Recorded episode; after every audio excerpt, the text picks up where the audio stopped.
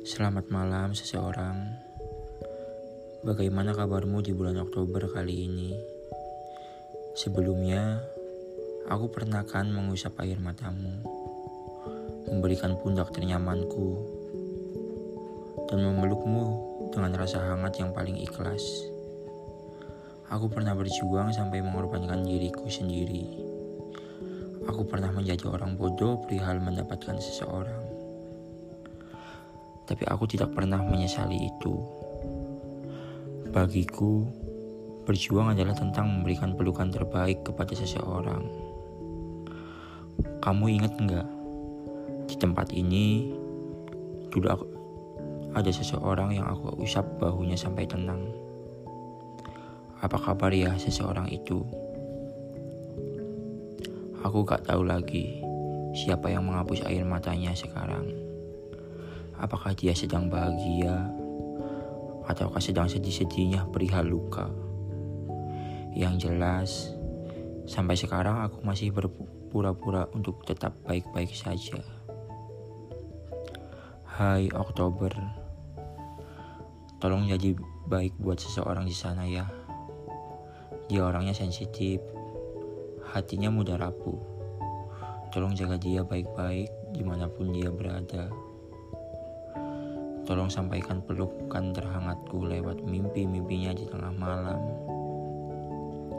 Dia takut dingin, apalagi sendirian. Dia senang diajak naik motor berdua keliling ke sana dan kemari. Dia suka memelukku dari belakang sepanjang jalan. Kadang, sesekali dia berdiri dan melebarkan tangannya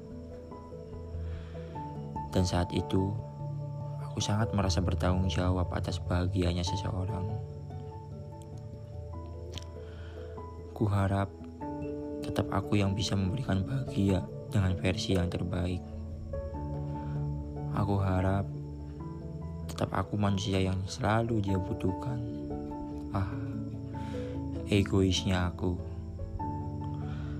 Dia sekarang hilang, tidak ada lagi pelukan hangat di atas motorku.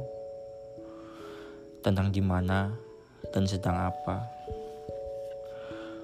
Harap aku harap semua baik-baik saja. Sekarang dia sedang berpetualang dengan mimpi-mimpinya. Sekarang dia sedang mencari bahagia versi yang dia inginkan. Selamat berjuang ya seseorang.